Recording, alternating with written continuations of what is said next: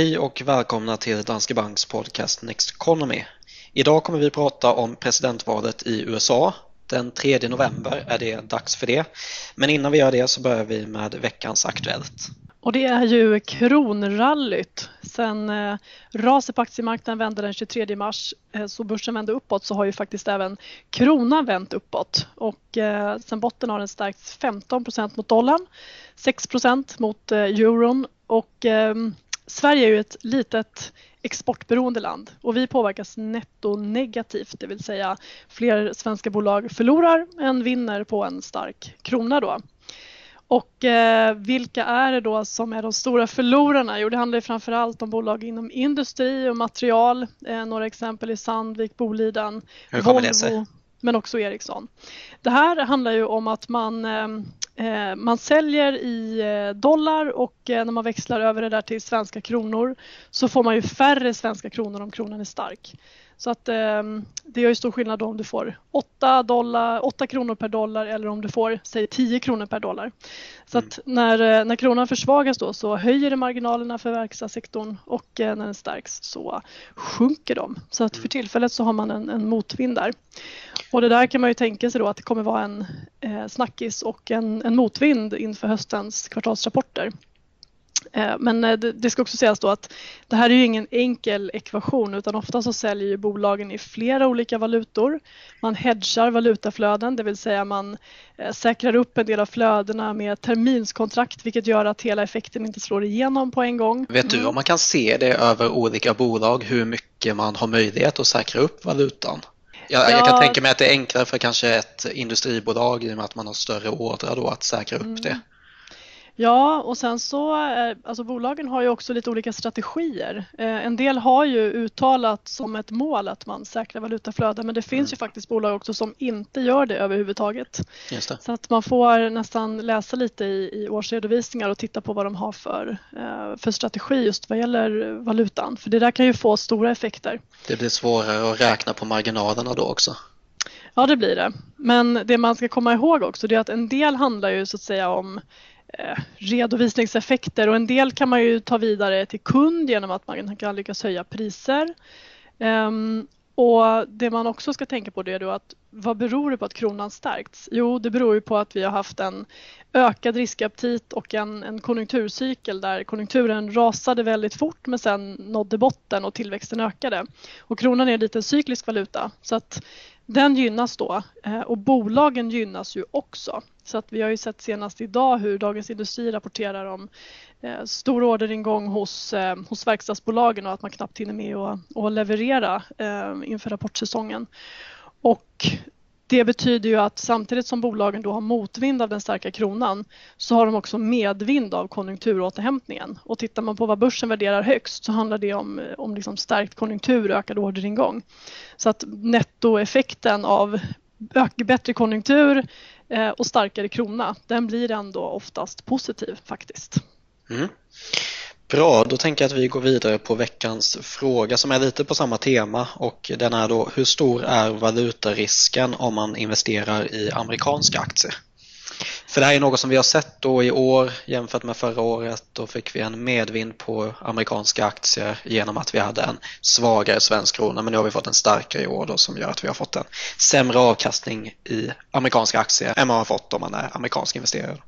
Ja, och vi konstaterar här då till exempel att om kronan stärks 15 procent mot dollarn sen botten, då har man ju faktiskt också tappat 15 procent i form av valutaeffekt eh, när det gäller avkastningen på innehav i amerikanska fonder eller aktier. Så att lika mycket som kronan stärks eh, minskar värdet på amerikanska innehaven eller om den då försvagas så ökar värdet.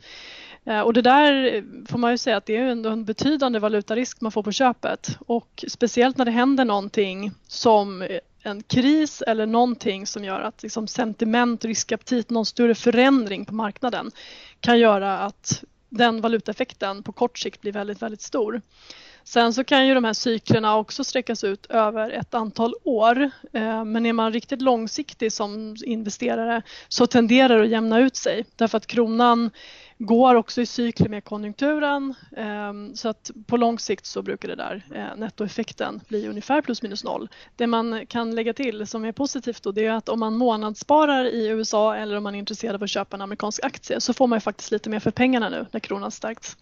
Mm. Så att det är ju åtminstone en positiv sidoeffekt då. Jag tänkte på det också för man brukar ju säga att en positiv fördel med då en svagare krona det är ju att det blir billigare för utländska investerare att investera på den svenska börsen vilket kan hjälpa till att trycka upp Stockholmsbörsen lite.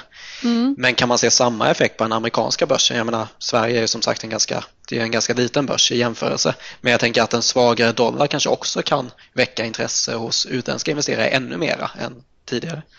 Ja, det kan det säkert göra. Eh, för det är klart att om man som utländsk investerare ser ett, ett ökat värde i att gå in på en marknad eh, så kan det gynna amerikanska bolag likväl som det kan gynna svenska bolag. Sen så finns det ju en annan effekt av det också. Det är ju att när kronan till exempel då är lågt värderad så blir det också billigt för utländska investerare att gå in och köpa upp svenska bolag. Mm. Man får ju en rabatt via kronan. Men när kronan stärks så är det ett visst ökat skydd. Eh, så att eh, det finns ju alltid två sidor av myntet. Så att svag krona, ja det kan öka intresset för att investera på den svenska börsen, hjälpa till att trycka upp kurserna. Eh, å andra sidan då så blir svenska bolag mer, mer sårbara för utländska uppköp. Mm. Så är det dags att gå in och köpa upp amerikanska bolag nu då med andra? Precis, om man har lite pengar över. Exakt. Ja, men bra, men då går vi vidare på dagens ämne som ju då är presidentvalet i USA. Och om vi börjar med hur det ser ut just nu i både opinionsundersökningar och det som kallas prediction markets. Då tyder ju båda dem på att Biden är USAs nästa president. Och just när det gäller opinionsundersökningar då så finns det ju eh, mätningar där man väger samman en massa olika opinionsundersökningar och de pekar för närvarande på ett stöd på ungefär 50 procent för Biden och 43 procent för Trump. Så att där lutar det ju åt Biden och demokratisk eh, seger då. Sen eh, om man tittar på prediction markets som du nämnde, då kan man kanske börja med att förklara det bara. Det är ett slags terminshandel där man handlar terminer som baseras på att någonting ska hända eller inte hända vid en viss tidpunkt. Så att det blir ju en, en sannolikhetsbedömning på marknaden att någonting ska inträffa. Till exempel då att en person blir vald till president. Och även eh, när det gäller prediction markets så har Biden haft ett övertag den senaste tiden så att finansmarknaden sätter sannolikhet på 56 procent att Biden vinner och 44 procent på Trump. Mm. Och försprånget för Biden här har också utökats senaste tiden.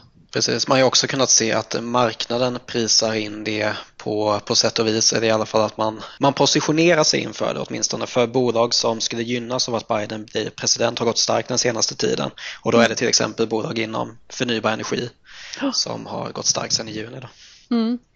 Sen så kan man ju bara göra en kort jämförelse då med 2016. Då var det Hillary Clinton eh, som var eh, vald till eh, Demokraternas presidentkandidat och som utmanade Trump. Och om man då jämför hur läget såg ut för henne inför valet med hur det ser ut för Biden nu så är hans övertag dels större än vad Hillarys var och sen så är det stabilt så att hans stöd har legat ungefär kring 50 procent, svängt lite grann.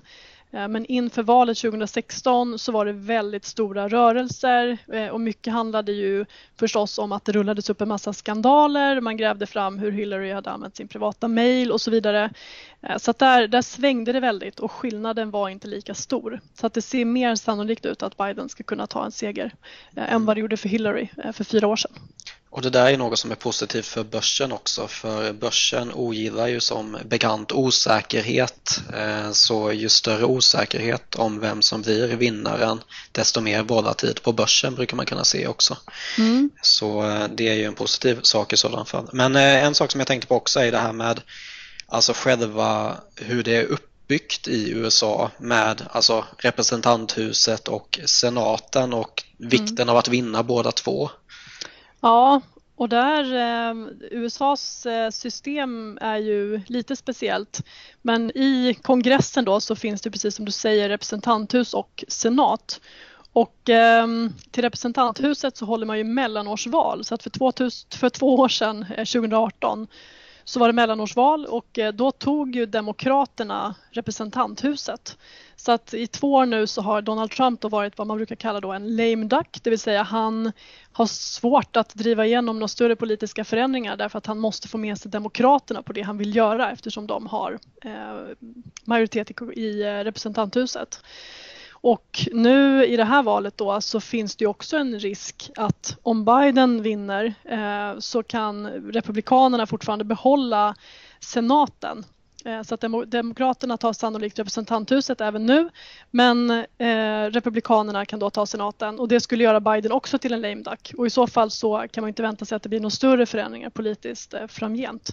Så ja, önskar, man, önskar man mer tryck i politiken då behöver vi se en seger för Demokraterna eller Republikanerna i båda kamrarna. Mm. Och det hade egentligen varit positivt oavsett vilken, om det nu blir Republikanerna eller Demokraterna som tar hem det här för jag menar eh, Trump har ju inte kunnat föra igenom till exempel då infrastrukturinvesteringar. Eh, mm. Så jag menar, både han och Biden skulle kunna göra mera finanspolitiska åtgärder som man inte har kunnat göra nu då. Ja, exakt och just när det gäller infrastruktur så har ju faktiskt både Trump och Biden egentligen en liknande agenda. Båda har förslag på att lägga satsningar på ungefär motsvarande 1 av BNP per år vilket då skulle gynna hela byggsektorn. Eh, och eh, precis som du säger så har Trump inte lyckats driva igenom det här under sin mandatperiod. Men skulle Biden då vinna båda kamrarna eh, och i det här läget också där ekonomin verkligen behöver stimulans, man behöver skapa jobb och tillväxt så ökar ju chansen att de här satsningarna faktiskt skulle bli av. Mm. Och om vi kollar på andra mm. saker som, där de skiljer sig något istället då Trump och Biden. Trump har ju alltid varit mycket för att sänka bolagsskatten skatter medan eh, Biden då eh, lite mer vänster vill ju höja. Ja, och Trump sänkte ju skatten eh, för bolag från 2018 mm. och den togs ju ner från 35 till 21 procent så det var ju en, en jättesänkning som lyfte vinsterna för S&P bolagen med över 20 procent. Sen Biden då, han har ju ett förslag där han vill ta tillbaka hälften av den där så att han vill höja skatten till dryga 28 procent Sen vill han också höja skatter för höginkomsttagare, beskatta kapitalinkomster hårdare med mera då. Men sen har han ju andra förslag också. Det han vill göra är ju att sänka skattetrycket för låginkomsttagare så att de som har minst i plånboken ska få lite mer. Och han vill också dubbla minimilönerna. Eh, och det där när man ger de som har minst mer pengar i plånboken stimulerar ju också konsumtion vet vi därför att de pengarna sparar man inte utan de pengarna eh, spenderas så att det går tillbaka in i ekonomin och skapar tillväxt. Och det har man väl kunnat se nu också med de utbetalningarna som man gjorde i coronakrisen från den amerikanska regeringen att det också har kommit in i ekonomin va? Ja, eh, precis. Den amerikanska ekonomin har ju fått en, en kraftig skjuts sen botten eh, och det det också gör det är att det bidrar till att hålla uppe sentimentet eh, hos de här som är mest utsatta som ofta har små buffertar, låga löner och liksom svagt socialt skydd. Eh, så att det gör ju att eh, sentimentet hålls uppe, att man vågar fortsätta konsumera. Mm. Eh, så det har absolut varit effektivt så här långt. Men sen har man ju ett problem och det är ju att man inte lyckats ena om en, en förlängning och hur, hur, mycket, hur stor del av det utökade stödet som ska fortsätta ligga kvar. Ja, och ju längre man dröjer med att komma överens desto större är ju risken att folk börjar tappa modet igen. Det positiva å andra sidan är att ekonomin eh, faktiskt har återhämtat sig snabbare än någon hade kunnat eh, vänta sig. Och ungefär hälften av det tapp som vi såg i arbetslösheten eh, i våras har ju redan hämtats in. Så mm. det, det är ju det som väger upp då. Ja, och om vi går över på lite andra områden då så har vi ju det här med Kina såklart som är en stor fråga och sen så har de lite, de har lite olika syn på det här med hållbarhet eh, och sen så mm. också när det gäller teknikbolagen. Ja men det kan man säga. Eh, vad gäller Kina då så jag menar Trump har ju hållit ett väldigt högt tonläge mot Kina under hela sin Eh, mandatperiod i princip då med hot om tullar, ehm, bannlysning av kinesiska bolag med mera. Och skulle han få fortsätta vid makten eh, så finns det ju en risk för mer av detsamma, det vill säga att han ehm, trycker på mer mot Kina, kanske att man så småningom kommer fram till ett andra delhandelsavtal men vägen dit skulle förmodligen inte vara smärtfritt. Och sen så finns det också en risk att han går på Europa med biltullar igen. Eh, och det skulle vara en ny smocka för europeisk bilindustri i allmänhet och, och tysk industri kanske i synnerhet då. Mm. Medan Biden har ju en mer diplomatisk linje. Samtidigt så ska man komma ihåg att även inom Demokraterna så finns det ett väldigt starkt stöd för det Trump har försökt göra i att rätta till orättvisor i form av helt olika nivåer på tullor, konkurrensvillkor med mera. Så att under Biden så eh, kan man ändå kanske vänta sig lite mer lugn och ro och mindre nattligt twittrande och ehm, eh, hot mot länder och, eh, och företag. Sen så är det också mer sannolikt att USA faktiskt stannar i WTO men att man då försöker ehm, eh, reformera handelsvillkoren inifrån istället för att bara lämna det här samarbetet. Då. Mm. Och sen eh, hade vi det här då med att Trump vill gärna satsa på olja och kol medan Biden eh, fokuserar mer på grön energi som jag var inne på tidigare också. Och Trump är ju en, eh, en älskare av fossila bränslen. Han gillar ju kol och olja så att han vill ju fortsätta avreglera och lätta på kraven för utsläpp.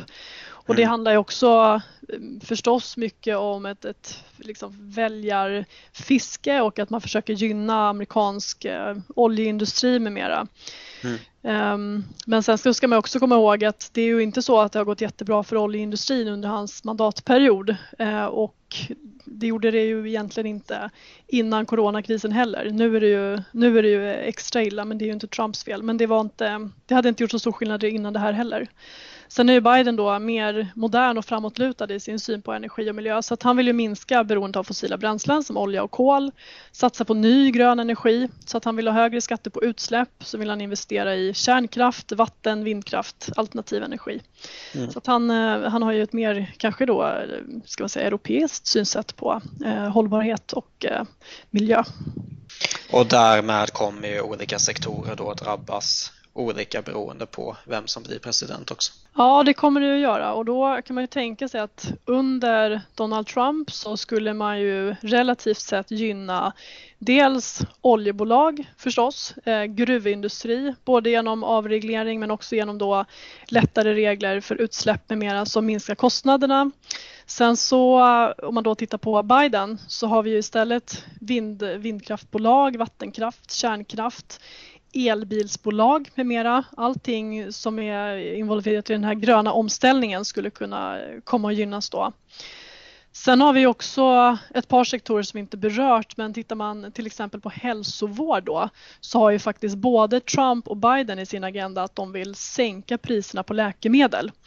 Och det där har ju också varit någonting som man använt som, som slagträ i tidigare valrörelser. Så att inför valet 2016 så gick hälsovårdssektorn både i USA, eh, i Europa och då globalt betydligt svagare eh, än många andra sektorer just på grund av risken för regleringar som skulle göra att man sätter press på intäkter och vinster för, för hälsovårdsbolagen. Så det är en risk även den här gången. Jag kollade på det 2016 faktiskt. Vilka industrier tror du, eller sektorer tror du gick bäst under 2016? Jag sa industrier där så det... du sa industrier, jag gissar på. ja, men så, i, nej, men så industri gick starkt och finans gick starkt. Så precis, cykliskt mm. gick starkt under 2016 faktiskt. Och mm. det har ju varit tvärtom nu under 2020 med tanke mm. på eh, cykliskt har ju gått svagt medan då framförallt teknikjättarna har gått väldigt starkt. Och då kommer man ju tillbaka till det här som vi också ska prata om alldeles strax, nämligen börsutvecklingen eh, under valår, inför ett val och även efter ett val. Och då är det ju så att det är ju väldigt mycket andra faktorer som styr hur börsen går. Man kan ju se att enskilda sektorer kan påverkas som till exempel hälsovård inför valet förra gången. Men däremot så eh, om det är någonting annat som händer samtidigt, alltså IT-bubblan spricker, vi har en finanskris, coronakris, så har det betydligt större inverkan på hur börsen går eh, än vilken presidentkandidat som ser ut att vinna valet och sen som så småningom då eh, får makten. Ja, precis. Eh, men eh, jag tycker att vi helt enkelt går vidare på det spåret och pratar lite mm. om hur eh, börsen tenderar att gå. Jag var inne på det tidigare att volatiliteten brukar öka och ännu mer då om osäkerheten kring vem som blir president är stor. Mm. För det handlar ju någonstans om att prisa in de förändringar som kommer ske och vet man inte vad som kommer ske, ja, men då ökar osäkerheten och oron på börsen. Mm. Ja. Eh, och en sak som jag kollade lite på var ju hur börsen har gått då under valåren. Eh, för om man kollar på 1928 till 2016 så kan man se att eh, börsen har stigit i 17 av 23 valår med en snittavkastning på 7% ungefär. Men det som ska sägas då också är ju att det här är egentligen ingen unik avkastning för även om man kollar utanför valår så är det ungefär så här det ser ut. Eh, mm. Börsen tenderar ju helt enkelt att gå upp över tid. Eh, så jag menar, man ska inte utläsa för mycket av det men man kan ändå säga att i majoriteten av valåren så har eh, börsen gått upp. Mm. Eh, precis och sen så eh, det man kan se då på sektornivå om man även blickar bakåt det är ju att ofta så brukar defensivt klara sig ganska väl medan cykliskt brukar gå lite svagare. Så att det går att se vissa mönster eh, på sektornivå. Men mm. sen återigen, hälsovård är en defensiv sektor och den gick ju sämre förra gången beroende på hur man vill reglera den. Eh, så att det där är ju eh, också beroende av vad politikerna säger. Mm. Men det man kan tänka sig är ju att även om inte eh, valet av president eller presidentvalet i sig egentligen gör så stor skillnad för börsutvecklingen så finns det ju ändå delar i de här två presidentkandidaternas agendor som skulle kunna få effekt på börsen framöver. Eh, Donald Trump då till exempel som förordar ytterligare sänkt bolagsskatt. Det skulle lyfta vinsterna för amerikanska bolag återigen. Ehm, så att man kan tänka sig att just den åtgärden skulle vara mer eh, liksom gynnsam för börsen. Ehm, medan Bidens agenda då med höjda skatter eh, skulle vara negativ. Sen har Biden å andra sidan andra satsningar eh, som skulle stimulera ekonomin och som ju någonstans också i så fall skulle eh, bidra till börsuppgång. Så att, ehm, svårt att säga på marginalen vem som skulle vara mest positiv men det är klart att på kort sikt så är ju skattesänkningar ett väldigt snabbt effektivt sätt att lyfta, lyfta bolagsvinster och på så sätt också ge börsen luft under vingarna. Mm, precis. Bra, jag tänker när vi ändå är inne på det här spåret med vad eh, som är bäst för börsen då, demokrater eller republikaner, så går vi in på veckans studie som då är Political Cycles and Stock Returns heter den. Det är en studie från 2019. Och eh, då har man gått tillbaka och kollat på avkastningen mellan 1927 till 2015 på den amerikanska börsen. Och man har alltså kunnat se att det har gått bättre när demokrater har haft makten än när republikaner har haft den. Annars brukar man säga att eh, Republicans are good for business för att de då för en politik som är mer gynnsam för bolagen och börsen som vi varit inne på här. Mm. Och, eh, ja, men, men den, det som de visar då i den här studien är att överavkastningen mot en tre månaders amerikansk statsskuldväxel har varit 10,7 procent per år jämfört med, alltså när demokrater har haft makten jämfört med 0, minus 0,2 procent per år när eh, republikaner har haft makten. Så det är alltså en, det är 11 procentenheter i skillnad, så det är ganska markant. Mm, det är en jätteskillnad. Mm. Eh, men, men det man kan säga också, det, man har inte riktigt haft någon bra förklaring på det här och därför har det då kallats the presidential puzzle.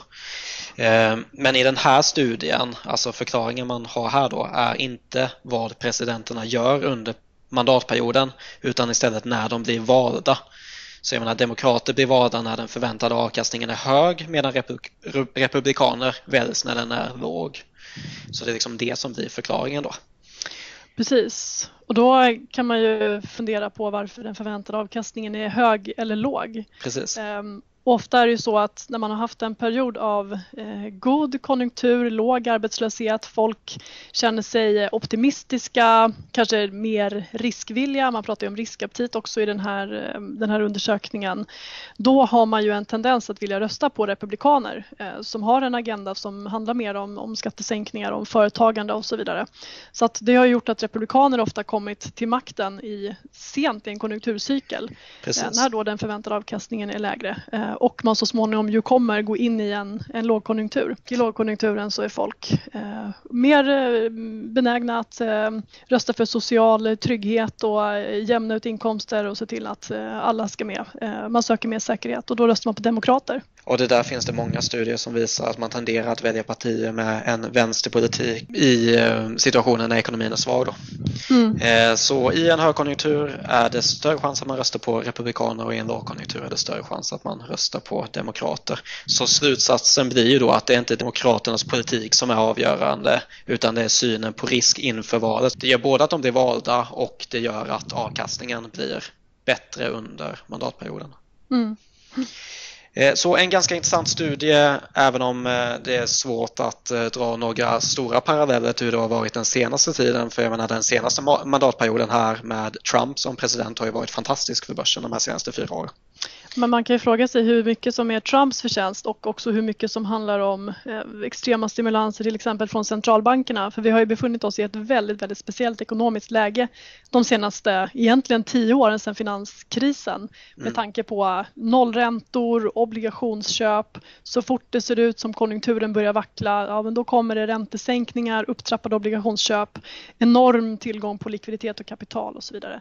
Eh, så att det är kanske ändå så att ehm, eh, en man vid namn Jerome Powell har haft mer med det att göra än Donald Trump.